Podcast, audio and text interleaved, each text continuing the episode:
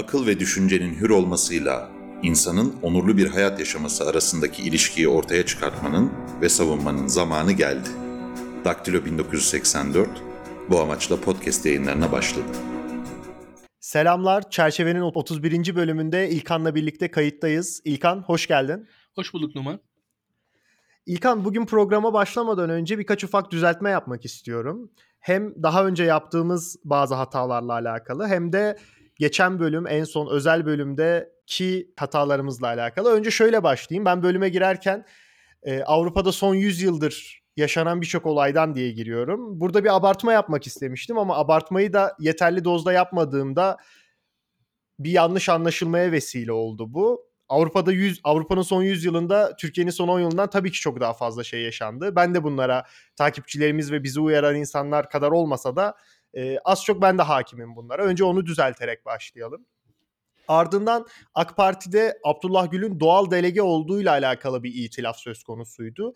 Ee, onu da uyardılar. Abdullah Gül doğal delege değilmiş. Doğal delegeli kuruculuk statüsünde değilmiş bu AK Parti'nin eski büyük isimleri. Bir de yaklaşık bir 10 bölüm önce Okan'ın yaptığı bir uyarı vardı. Ben onu tam hatırlamıyorum. Onu da sen başla ister. Onu da sen söyle istersen. Burada devletin ideolojik aygıtları kapsamında Gramsci'ye referans vermiştik. Aslında o Althusser olacaktı. Gramsci'nin hegemonyayla e, ideolojik aygıtlar aslında birbirine bit e, tamamen yani birbirini bütünleyen şeyler. He, hani hegemonya ile ideolojik aygıtları karıştırmışız. Bir de e, Fuat Sezgin ile Kemal Karpat'ı yayınım sırasında biraz karıştırdım bazı yerlerde. Fuat Sezgin e, Kemal Karpat'ın kitabından Fuat Sezgin'in kitabı diye bahsettiğim belli anlar var. Yayını tekrar izleyenler olursa eğer e, onu söylemek lazım. E, zaten programın yayınının linkinin altında da paylaştım. Fuat Sezgin ile Kemal Karpat'ın hangi dakikalar arasında karıştırdığımı e, oradan da söylemiş olayım size. Böyle şeyler postta da gözümüzden kaçabiliyor. İster istemez canlı yayında yani yayında kaçtığında tekrar üstüne bir kayıt almak söz konusu olmadığı için pek hatalar olabiliyor. Şimdiden affola. İlkan hoş geldin. Bugün konuşmak istediğim yaklaşık 10 günlük yayı aradan sonra konuşmak istediğim birçok mesele var. Ee, ama bunların ilki Kanal İstanbul meselesi. Son zamanlarda çok fazla gündem oldu. Daha önce bununla alakalı yayın da yapmıştık ama Ekrem İmamoğlu canlı yayına çıktı. Orada belirli polemikler yaşandı. Bu Kanal İstanbul meselesiyle alakalı baş... Kanal İstanbul meselesiyle başlamak istiyorum ben bu kadar gündem olmasının, Kanal İstanbul'un bu kadar gündem olmasının temel sebebi ne sence? Ve bu bir nevi e, yükselen Ekrem İmamoğlu figürüyle devletin ve iktidarın bir şekilde karşı karşıya gelmesi gibi bir okumam var benim. Özellikle son zamanlarda Kanal İstanbul'un bu kadar gündem edilmesinin sebebinin bu olduğunu düşünüyorum.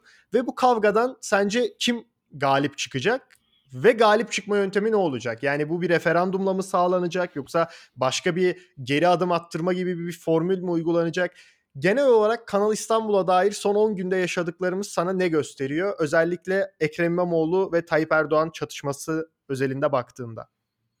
Ee, şimdi Numan çok güzel bir soru sordun. Aslında en güzeli son noktasıydı. E, çünkü burada başarı nedir sorusu var.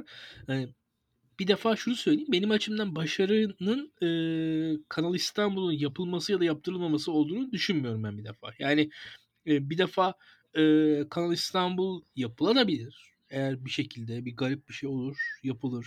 Bilmiyorum yani hani bu Kanal İstanbul'un yapılmış olması da İmamoğlu'nu bir başarısız noktaya götürür mü? Bence götürmez. Aksine mesele şurada e, İmamoğlu açısından Kanal İstanbul denen hadiseyi popülerleştirmeye popülerleştirmeyi İmamoğlu başardı mı? Başardı. Politikleştirmeyi başardı mı? Başardı. Bunlar başarıldıktan sonra ne kadar büyük bir kamuoyunu kendi arkasında biriktirebilirse İmamoğlu o kadar başarılı olacak demektir. Yoksa yani İmamoğlu'nun burada işte atıyorum bir referandum e, olursa İmamoğlu açısından referandum olması başarıdır. Tabii ki sonucun önemlidir. Hukuk mücadelesi hukuk mücadelesi yenebilir, yenilebilir. Yani, mücadelenin kendisi başarıdır. Oradaki hikaye şudur. Toplumu ne kadar ikna edebiliyor. Toplumu ne kadar arkasında mobilize edebiliyor. E, ve İmamoğlu açısından da İmamoğlu'nun politik e, tavrı, üslubu açısından değerlendirirsek İmamoğlu e, nispeten e, en apolitik konuda bir muhalefet oluşturmaya çalışıyor ve muhalefet cephesi oluşturmaya çalışıyor. Ve dikkat edin e, İmamoğlu'nun e, yaptığı e, çalıştayda yanında kim vardı? Meral Akşener vardı. İmamoğlu'nun burada Akşener'le beraber gözükmesi çok önemli. E, burada İmamoğlu'nun bir politik e, tercihi var. Çünkü e, çok ince bir e, hassas bir denge kurması gerektiğini biliyor. Yani Türkiye'de milliyetçi seçmenle Kürt seçmeni yan yana getirmesi gerektiğini, Saadet Partisi seçmeniyle CHP'nin ulusalcı seçmenini bir araya toplaması gerektiğini biliyor.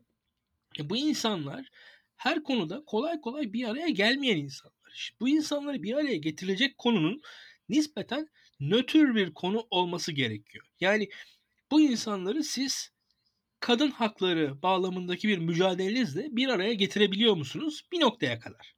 Bu insanları siz insan hakları mücadelenizle bir araya getirebilir misiniz? Bir noktaya kadar. Ama özellikle ekonomi ve ekoloji gibi nispeten daha nötr alanlarda daha fazla insanı yan yana getirebileceğini görüyor İmamoğlu.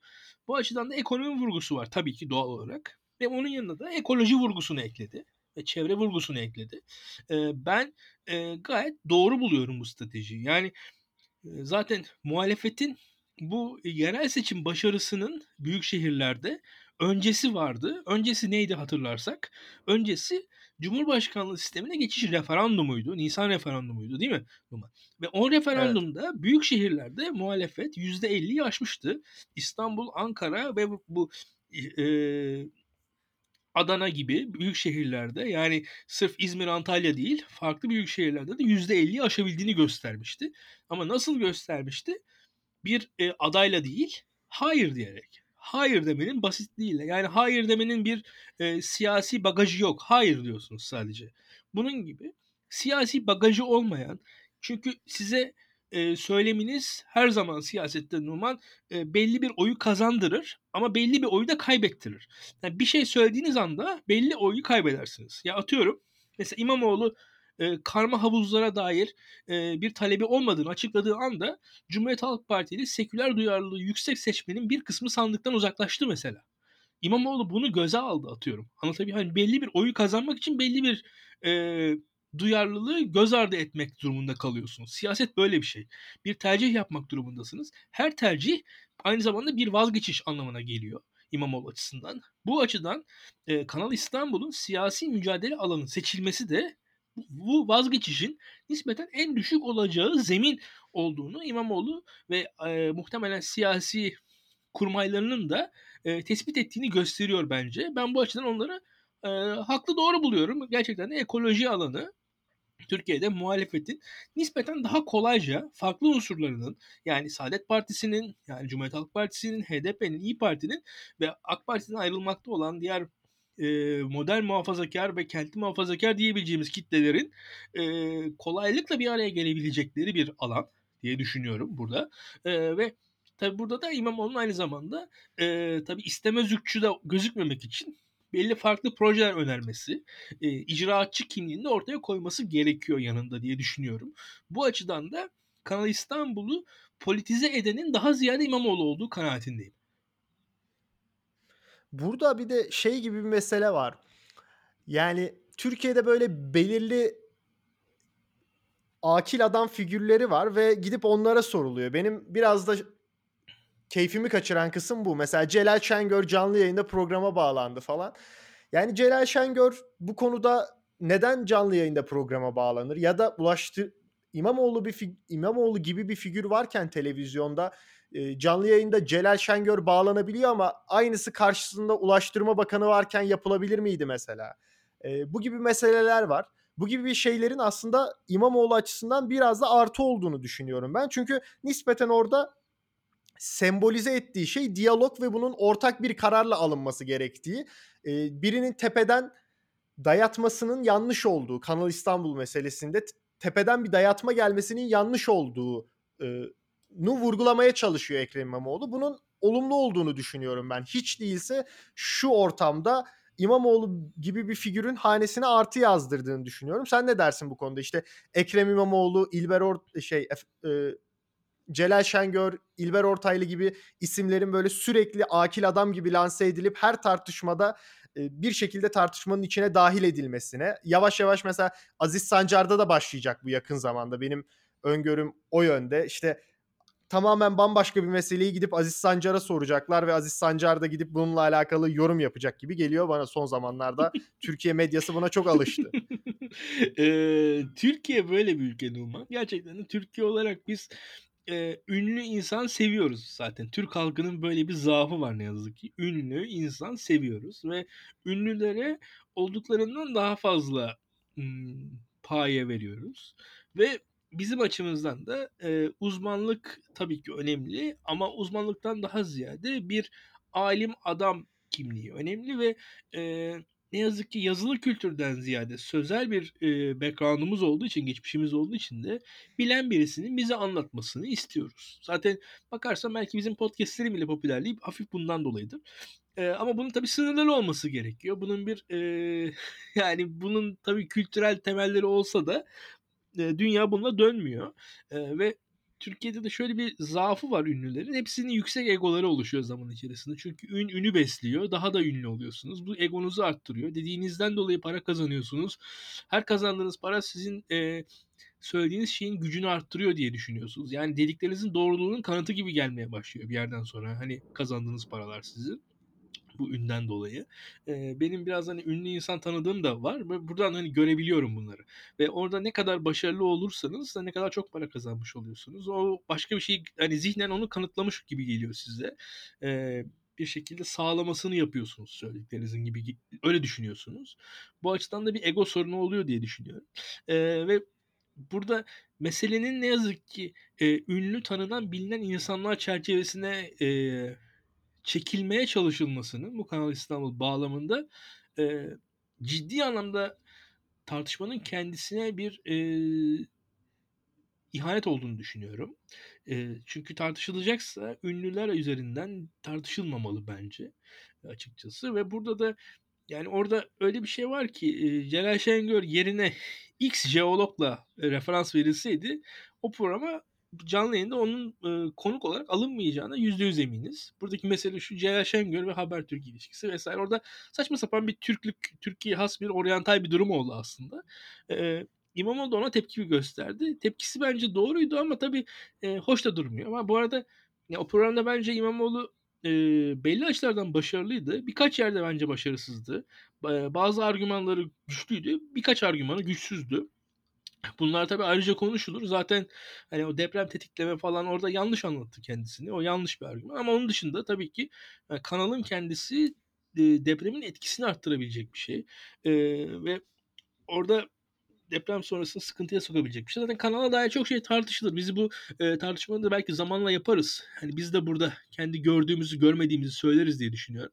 E, ama bu tartışmaların sağlıklı olmasını istiyorsak bu insanların popüler e, alim e, kimliklerinden öteye de görmeye, tartışmaya çalışmamız lazım diye düşünüyorum.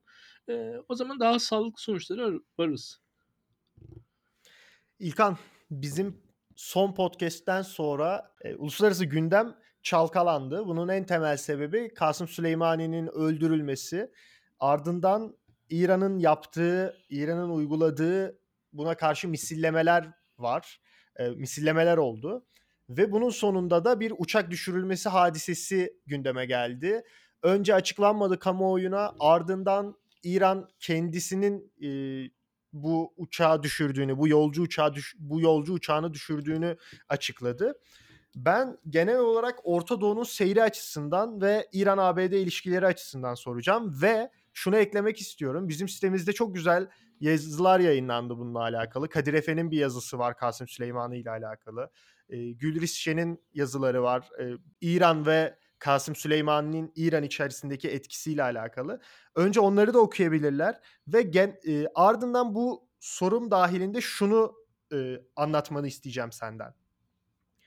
Kasım Süleymani öldürüldü ve e, bir takım yaptırımlar uygulandı ama bu öc almanın bitmeyeceği söylendi. A- Amerika Orta Doğu'dan çekilene kadar. Amerika'nın şu an azalan hegemonyası ve Suriye'yi birlikte düşündüğünde İran'la ABD'nin sıcak savaşa girme ihtimalini düşünüyor musun? Bu son yaşanan gelişmeler Orta Doğu'yu nasıl etkileyecek? Özellikle İran'ın etkisi bakımından. Eee, şimdi çok boyutlu bir şey sordun bana. Tek tek, eee, bilebildiğim kadarıyla cevaplamaya çalışayım. Bir defa İran farklı bir ülke. Gerçekten de, eee, klişe bir yorum ama İran gerçekten farklı bir ülke. Şöyle ki, mesela Numan, eee, sokağın anlamı Türkiye açısından olduğundan İran'da 100 kat daha büyüktür. Yani sokak ve sokaktaki gösterinin anlamı, Türkiye'de sokağa çıkan insanların anlamı diyelim X ise İran'da 1000x'tir. Çünkü İran sokakta ülkesinin rejimini değiştirmiş bir ülke. Yani bugün Türkiye'de rejim sokakta değişmedi. Değil mi? Hani baktığın Evet. zaman. Eee, Türkiye'de Evet, evet. Ya İranlılar sandıkta sok- değişiyor ya askerle değişiyordu. Evet. Ya İranlılar sokakta sokağa çıkıp rejim değiştirmiş bir millet. Bu çok farklı bir şey. Bakın yani dünyada Fransızlar ve İranlılar bu ülkelerde Fransa ve İran'da sokağın anlamı dünyanın kalanından daha farklıdır. Çünkü buralarda insanlar sokağa çıkmışlardır ve iktidarı indirmişlerdir. O yüzden de sokağa inen insanların da anlamı farklıdır. Ve sokağa inen insanların itibarı farklıdır. Mesela sokağa inen insanlar Türkiye'de protestocu olarak gözükürler. Hayır Fransa'da e, sokağa inen insanların e, insanların gördükleri görecekleri itibar Türkiye'de gördükleri görecekleri itibardan fazladır. Ve hatta mesela Fransa'da muhtemelen bence İngiltere'ye göre de Almanya'ya göre de fazladır. İran'da da Türkiye'ye göre fazladır mesela. Sokağın anlamı daha yüksektir bu ülkelerde. Yani bir defa tarihsel olarak sokağın anlamının yüksek olduğu ülkeler bunlar. Ya Türk mesela e, bunun daha alt e, kültürel nedenlerini falan tartışırız. İşte Şiiliğe bağlayabiliriz. Muhalefet ideolojisidir deriz. Sünnilere göre yıllardır azınlık bu, bu yüzden e, vesaire e, iktidardan ziyade muhalefet ve bunlar konuşulabilir. İran neden böyledir diye ama bir bunu koymak lazım yani. Yani bu ülkelerde sokak önemlidir. O açıdan asla İran konuşulurken sokağın göz ardı edilmemesi gerektiğini düşünüyorum. Bir bunu ortaya koyayım. Yani bu bence e, bazı yorumcular İran'da rejimin gücünü anlatırken çok hevesliler. E, doğru da söylüyorlar. İran'da rejim çok güçlü. Gerçekten bir kapalı e, rejim var. Gerçekten bir otokrasi. E, neredeyse totaliter bir ülke tabii ki. İşte başörtüsü yasakları, e, internet yasakları vesaire oradaki polisin e, saldırgan tutumu, işkenceler, e, ciddi anlamda paramiliter güçler, e, devletin ekonomiye hakimiyeti, e, petrol gelirlerinin devlet tarafından e, halkı manipüle etmek için kullanılması falan İran'da hakikaten çok güçlü bir rejim var. Buradaki dini ağlar üzerinden de kurulmuş bir şekilde esnaf bağlarıyla beraber yani esnafın ve e, özellikle e, dini e, hiyerarşinin kullanıldığı çok güçlü bir devlet yapısı var. Orada paramiliter e, yapılarla desteklenmiş ama İran'da sokak anlamlı bir e, güçtür. Yani İran'ı asla sokağa göz ardı ederek analiz edemeyiz diye düşünüyorum ben. Hani Türkiye'yi daha Türkiye'de sokağa göz ardı edebilirsiniz İran'a göre. Onu söyleyebilirim. Yani şöyle söyleyeyim. İran'da belki gezi kadar bir olay olsa İran'da rejim değişirdi belki de. Yani öyle bir durumda söyleyebilirim. Ama İran'da tabii bu şu demek değil. İran'da sokak e, bizim dışarıdan gördüğümüz gibi yani rejim ve muhalifler gibi değil. Yani İran'da sokakta gördüğünüz şey farklı. Yani bazen e, sokakta etnik duyarlılıklarla Azerilerin, Kürtlerin, e, işte Kirman e, Belucilerin vesaire e, olduğunu görüyorsunuz. Yani etnik duyarlılık da sokağa çıkmış İranlılar olabiliyor. Ekonomik duyarlılık da sokağa çıkmış İranlılar olabiliyor. Rejime ideolojik olarak muhalif olarak çıktı, çıkmış İranlılar olabiliyor. Yani en temel olarak bu üç e, aşama var. Yani İran'da rejime muhalif olarak sokağa çıkan kitle aslında üçe ayrılıyor. Yani ekonomik muhalifler, ideolojik muhalifler, etnik muhalifler olarak en azından benim gördüğüm kadarıyla bu üç farklı şey var ve bu muhalifler her zaman e, yan yana gelemiyorlar. Ve tabii devlet Öğrenci içerisinde... hareketini ekleyebiliriz belki. Çünkü öğrenciler 2009'da da sokağa çıkmıştı. Şu anda da sokaktalar. Doğru, Öğrenciler de önemli bir e, faktör. Ya aslında bir de şey var hani öğrenci hareketi de Numan değişti. Yani eskiden İranlı öğrenciler daha ziyade İran elitlerini temsil ediyorlardı. Şu an İranlı öğrenciler giderek bir ekonomik olarak çıkmazın içerisinde. Çünkü İran ekonomisinin çıkmazı ve onları e, çıkmazı onları işsizliğin beklediği bir İran İran karşısına çıkartıyor ve İranlı öğrenciler eskisi gibi hani ya bundan 10 yıl önce 15 yıl önce İranlı öğrenci dendiği anda İran elitleri Hani İran rejiminin elit muhaliflerin kastediliyordu. Şu an artık o dönüştü diye düşünüyorum birazcık. Yani tam, tamamen dönüşmedi tabii de. Yani orada bir farklılaşma da var. Onu da e, belirtmek istedim. Yani İran'ı takip etmeye çalışıyorum ben de. Amatörce de olsa. E, bir bunu ortaya koyalım. E, şimdi Trump hakikaten ilginç bir adam. E, garip bir adam. Tehlikeli bir adam. E, öngörülmez bir adam. E, yaptığı eylem hakikaten e, uluslararası hukuk açısından tartışmalı. E, bir devletin resmi mensubunu suikastle öldürmek hakikaten hukuken e, yasak bir şey yani. Bir de böyle bir şey var. Bunun yapılmaması lazım İran'ın en azından. Ama İran'ın e, Amerika'nın da yasaları İran'la e, İran'ı farklı bir ülke olarak konumlandırıyor. Amerika açısından İran meşru bir devlet değil. İran'ın Amerikan elçiliğine yaptığı baskın e, devrim sonrasında Amerika ile ilişkilerini e, düzelemeyecek bir şekilde bozmuş durumda. O yüzden de Amerika açısından İran'ın öyle bir farklı bakışı var. İran'ı Amerika meşru bir ülke olarak tam görmüyor. Bu diplomatik olarak arada bağın olmaması ki hani biliyorsundur muhtemelen Amerika ile İran arasındaki diplomatik ilişkileri işte İsviçre üzerinden falan sağlıyorlar. Ee, buradaki sıkıntılar zaten aslında bu e, hukuken aslında tartışmalı eylemin yapılabilmesini sağlıyor Amerikan e, bakışında. Ve burada da şöyle bir şey var. İran te- bu Kasım Süleymani meselesinde tepki gösterdi. Ee, gösterdiği tepki ne yazık ki tam hani ne yazık ki demek ne kadar doğru. Ee, İran'ın haklılığı giderek haksızlığa dönmeye başladı. Çünkü ilk başta Kasım Süleymani'nin suikastle öldürülmesi İran'a büyük bir haklılık kazandırmıştı. İran bu haklılıkla beraber rejimini güçlendirecek diye herkes umuyordu. İran'da bir sertlik artacak diye herkes umuyordu. İranlı muhalifler susacak diye herkes umuyordu. Ee, İran yoğun bir e, intikam e, dalgasını e, başlatacak diye herkes umuyordu.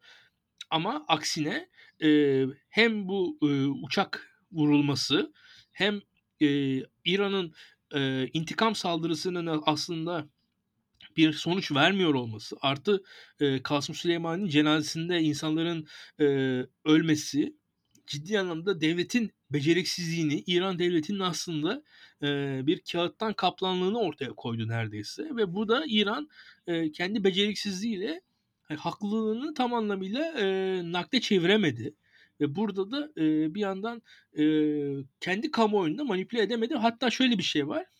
E, bu muhtemelen e, biraz rahatsız edici bir yorum olabilir diye tahmin ediyorum ama Amerika şu anda yaptığı suikastin bedelini düşünüyordu.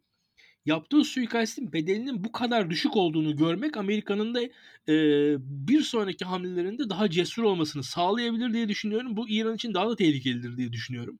E, yani şu an Amerika Kasım Süleymaniye suikast girişiminde bulunurken işte diyordu ki tamam ben bu Kasım Süleyman'ı öldürüyorum. İran'ın dış operasyonlarına karşı belli bir tavır alıyorum.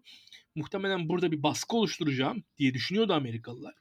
Ama bunun karşılığında İran iç politikasında sertleşmenin, İran devletinin güçlenmesini de göze, göze alıyorum diye düşünüyorlardı.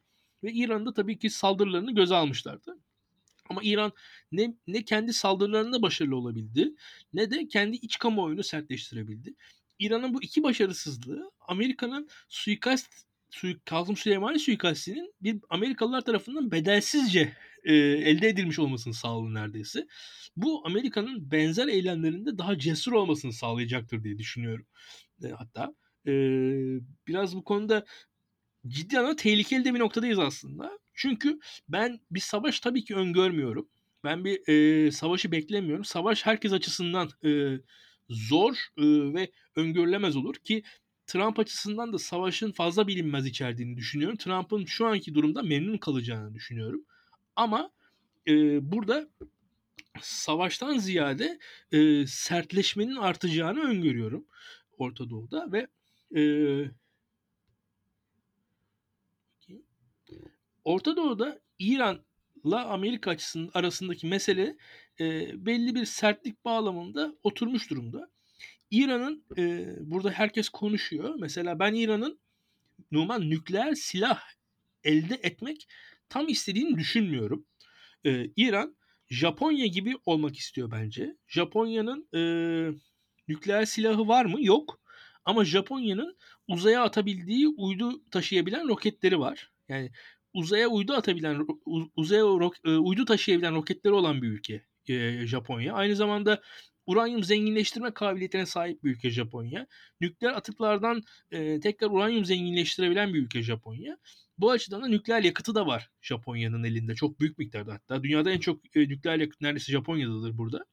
E, Japonya'da o yüzden Japonlar aslında nükleer silah elde etmek isteseler e, hani means of transfer da diyorlar buna. Yani Evet. nükleer yani Japonlar e, 15 gün içerisinde neredeyse e, gayet e, teknik açıdan üst düzey kapasiteye sahip uzun menzilli nükleer füzeler elde edebilirler.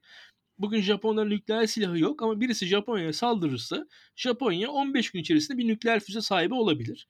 Ee, Japonya'nın şu an kendi nükleeri olmasa bile Japonya'ya nükleerle saldıracak bir ülke ki muhtemelen Kuzey Kore veya Çin hani burada şey yapılan bu ülkelerin herhangi birinden hatta o ülkelerin daha büyük kapasiteli bir nükleer güce Japonya istediği anda kısa sürede ulaşabiliyor. Burada Japonya'nın böyle bir durum var mesela. Pek bilinmez bu.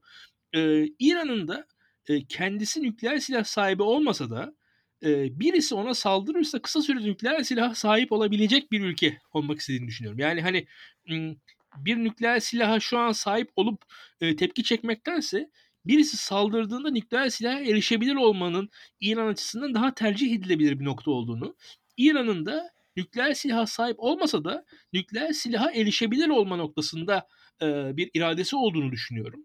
Burada da o açıdan aslında bir noktada Amerika ile de İran'ın e, baskı e, ve e, müzakere aşamalarında bir anlaşabileceklerini, belli bir dengenin devam edeceğini öngörüyorum. İlkan son olarak geçmek istediğim konu bizim daha önce de sıkça değindiğimiz Doğu Akdeniz ve Libya meselesi. Libya'da bir ateşkes sağlanacak yakın zamanda. Bununla alakalı çağrı yapıldı yanlış bilmiyorsam. Ve Türkiye'nin oraya bir asker göndermesi ve sıcak çatışmaya girmesi şu an için söz konusu değil. Bunu iç politika bağlamında değerlendirmeni isteyeceğim. Biz belirli operasyonlar yaptık özellikle 2015'ten sonra. Bunların hemen hemen hepsi Kuzey Suriye'yeydi. Kimisinde IŞİD'le savaştık, kimisinde PKK-PYD ile savaştık. Ama şu an gündemde olan konu bizim Libya'ya gitmemiz. Türk askerinin Libya'ya gitmesi ve orada bir e, savaşa dahil olması. Bunu Türkiye iç politikada nasıl rasyonelleştirebilir ya da rasyonelleştirebilir mi? Ve genel olarak Libya'daki mesele çözüme kavuşursa burada Türkiye'nin ne gibi avantajları olabilir? Aynı zamanda çözüme kavuşmazsa ne gibi sıkıntılar yaşayabilir? Bunların hepsini bir genel değerlendirmeni istiyorum senden. E, Numan bence Libya meselesinde Libya'da e, sahadan e, doğru bilgileri aldığımızdan benim şüphem var. Yani e, Libya'da e, Libya'nın sahası yani Libya'ya dair özellikle ben e, Batı medyası zayıf olduğunu düşünüyorum. Batı medyası zayıf olduğu zaman tüm medyada zayıf zaten. E, Batı'nın e, yani Fransa'nın, İngiltere'nin, Amerika'nın e, Almanya'nın vesaire Libya'dan iyi haberler getirmediğini düşünüyorum. Oradan ve o yüzden doğru enformasyonu ben Libya konusunda uzak olduğumu düşünüyorum. Yani Suriye'de olan biteni ben Libya'da olan bitenden e, çok daha iyi izleyebildiğimi öngörüyorum. Görüyorum yani şu anda. Libya'da ne oluyor? Tam, tam emin değilim ben. Yani dengeler konusunda şüphem var. Bazı konularda evet bir anlaşma var ama sahada kim uygulayacak, ne kadar uygulayacak orada çünkü nüfusu da az bir ülke Libya. O yüzden küçük bir grubun e, bir e, taraf değiştirmesi Libya'da çok önemli sonuçlar ortaya çıkartabiliyor. Bu açıdan da Libya'dan e, tam anlamıyla ben doğru enformasyon alıyor muyuz şüpheliyim. Bir bunu ortaya koyayım. Onun dışında e, Libya konusunda Türkiye'de iç kamuoyunun e, Suriye'deki meseleler gibi mobilize edilmesi imkanının olduğunu düşünmüyorum. Aksine e, Türkiye'de kendi bağlamında e, uluslararası ilişkilerle ilgilenenler, e, ekonominin belki enerji meselesiyle çok yoğun ilgi sahibi olan insanlar. Bu konuların ilgili insanların takip ettiği bir mesele olacaktır Libya meselesi. E, zannetmiyorum ki burada Türkiye'nin bir asker kaybı vesaire olana kadar Türkiye'deki kamuoyunun bir Libya gündemi olsun, çok büyük bir Libya gündemi olsun hiç öngörmüyorum böyle bir şey. Doğu Akdeniz enerji kaynakları bağlamında Libya'dan bağımsız olarak farklı bir denklemin yürüyeceğini düşünüyorum. Burada aslında daha önceki yayınlarda da söyledim ben. Mısır, Kıbrıs, İsrail ile, ile Türkiye'nin anlaşmasının Mısır, Kıbrıs ve İsrail açısından da Türkiye açısından da avantajlı olduğunu düşünüyorum. Buradaki enerji kaynaklarının bu ülkeler arasında adil, adile yakın bir şekilde de bölüşülebileceğini düşünüyorum. Yani o kadar imkansız olduğunu öngörmüyorum. Hatta İsrail-Türkiye arasında bir boru hattının Doğu Akdeniz enerji kaynaklarının dünyaya satılması açısından en uygun hat olduğunu düşünüyorum. Ben öyle kanaatliyim. E, benim mantığım, aklım baktığım zaman haritaya baktığım zaman gördüğüm şey yani Doğu Akdeniz'deki o enerji kaynaklarının e, herkese refah getirebilecek kaynaklar olduğunu düşünüyorum. Burada çatışmadan ziyade paylaşmanın ön plana çıkması gerektiğini umuyorum. E, Libya konusuna gelirsek eğer İlginç. E, burada özellikle Mısır'ın e, tepkisini öngörmek lazım, görmek lazım. Ben bunu Mısır konusundan tam emin değilim. Bakalım Libya meselesinde özellikle Mısır, Fransa gibi ülkelerin tavrı e, zaman içerisinde Türkiye'nin başarısını ya da başarısızlığını belirleyecektir diye düşünüyorum. E, burada Türkiye'nin bir şansı var gibi gözüküyor. Daha önce e, bizim öngöremediğimiz bir şans Türkiye açısından çıktı. Şöyle ki e, Cezayir, Tunus gibi aslında Türkiye'ye de çok yakın olmayan ülkeler Mısır'ın e, Libya'daki e, potansiyel hakimiyetinden rahatsız olup e, Türkiye'ye birazcık bir alan açtılar gibi gözüküyor. İlk haberler o yönde. Bakalım ilgili izliyoruz. E, daha önce olmayan bir gelişmeydi bu. Türkiye ile Rusya açısından Türkiye ile Rusya e, Rusya'nın Türkiye'den çok büyük çıkarları olduğu için Rusya açısından Libya o kadar birincil mesele değil. E, Libya'nın Libya meselesinde Rusya gayet rahat Türkiye'nin yanında yer alabilir. Çünkü Rusya açısından İdlib'deki küçük bir anlaşma veyahut da atıyorum Türkiye'deki Türkiye ile yapılan doğalgaz e, sözleşmelerindeki bir virgülden sonra e, 3-4 rakamı değiştirmek falan filan vesaire oradaki maddi meseleler, işte nükleer santral ihalesi, Türk akımı falan filan bu, bu meseleler Rusya açısından çok daha önemli meseleler. Rusya'nın e, yani Libya konusunda Rusya ile Türkiye'nin anlaşması da zor değildir. Bunu da tahmin edebiliyorum. Ee, burada Türkiye zaten hani İngiltere gibi bir ülkeyle hemen hemen hep yakındı Libya meselesinde. Zaten Trablus'taki e, Müslüman kardeşlere yakın hükümetin e, BM tarafından Libya hükümeti seçilmesinin e, arkasındaki arkasında yatan ülke İngiltere. Türkiye İngiltere'ye yakındı. Yavaş yavaş yanını büyütmeye çalışıyor ama burada e, muhtemelen zaman içerisinde göreceğiz. Mısır ve Fransa'yı takip etmek gerekir. E, Amerika tabii e, Libya'da kenarda. E, zaten biliyorsun Amerika'da muhtemelen geçen başkan seçimlerine en çok etkileyen ülkelerden birisi. Pek de göz önünde olmasa Libya'ydı. Çünkü Libya'da Bingazi konsolosluğunun konsolosu öldürülmüştü Amerika'nın. Amerika açısından konsolosun öldürülmesi e, bir utanç vesilesi olmuştu ve Hillary Clinton'ın başkanlığının potansiyel başkanlığının önündeki en büyük engellerden birisi Libya olmuştu. Zaten Hillary Clinton'ın e-mailleri ve e, Libya'daki konsolosun ölümü e, Hillary Clinton önüne konmuştu başkanlık adaylığı sırasında. E, bundan sonra Amerika Libya'dan esasında biraz çekildi. Libya'ya zaten Amerika'da öyle çok hevesli bir şekilde girmemişti. E, Libya hatta sürüklenmişti e, ilk operasyonda da ki o, o operasyonda Sarkozy ile Berlusconi başlatmışlardı diye hatırlıyorum. E, ondan sonra Amerika'yı çağırmışlardı adeta. E, ve burada öyle bir durum var ki Numan e, Amerika kenarda bekliyor. E, daha alt düzey güçler birisi Türkiye, birisi Mısır. E, onun yanında biraz e, daha küresel ama yine orta düzey güçler. Fransa, e, İtalya, İngiltere, Rusya gibi ülkeler Libya'da müdahiller şu anda. E, ve tabi Arap ülkeleri müdahiller. Arap Emirlikleri, Cezayir ve Tunus.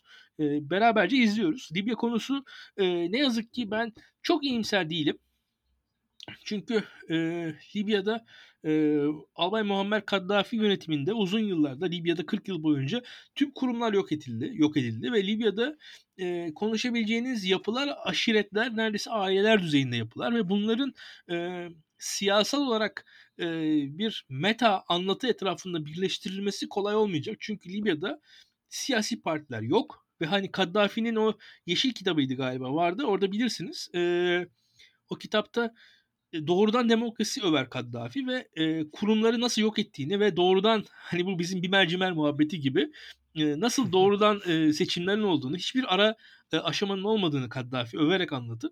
Libya'da gerçekten de sivil toplum örgütleri, partiler vesaire hepsi yok edilmiş durumdaydı. E, Libya'daki bu kurumsuzluk ne yazık ki Kaddafi sonrasında bu günleri de yarattı e, diye düşünüyorum ben. E, ve bu açıdan Libya'nın öyle kolay da çözüleceğini düşünmüyorum. Hani bizim gibi, Türkiye gibi orada müdahil diğer ülkelere bakmak lazım. Şu an tabii ki e, olumlu e, ateşkes olması ama çok da kolay görmüyorum onu söyleyeyim yani. O işler öyle hemen olacak şeyler değil. Doğu Akdeniz denkleminin ise kendi e, bağlamı vardır burada. Yunanistan ve Mısır orada duruyor o ülkeler. O ülkelerle Türkiye bir noktada anlaşmak durumunda kalacaktır diye düşünüyorum. Bu Arap Baharı'yla rejim değiş, daha doğrusu lider değiştiren ülkelerin hemen hemen hiçbirinin bir başarı sağlayamaması, nispeten içlerinde işte Tunus ve Nahta örneği dışında başarılı bir örnek olmaması, Tunus ve Nahta'nın da yani Nahta'nın da İslamcılığı bırakıp demokrasiye geçmesi aslında çok e, tartışılması ve üstüne düşünülmesi gereken şeyler ama bugünlük bu podcast'in sonuna geldik. Bunu belki başka bir bölüm olarak yayınlayabiliriz. Daha geniş kapsamlı değerlendirip. İlkan çok teşekkür ediyorum yorumların için. Ben teşekkür ederim Numan. 31. bölümün sonuna geldik. Daktilo 1984'ü ve Çerçeve Podcast'ini desteklemek isterseniz açıklamada Patreon linkini bırakacağım. Oradan bize destek olabilirsiniz. Aynı zamanda yayını paylaşarak da bize destek olabilirsiniz. Lütfen bu yayınları paylaşın ki biz de daha çok insana ulaşalım. Bu bölümlük bu kadar. Gelecek bölümlerde görüşmek üzere. Hoşçakalın. Hoşçakalın.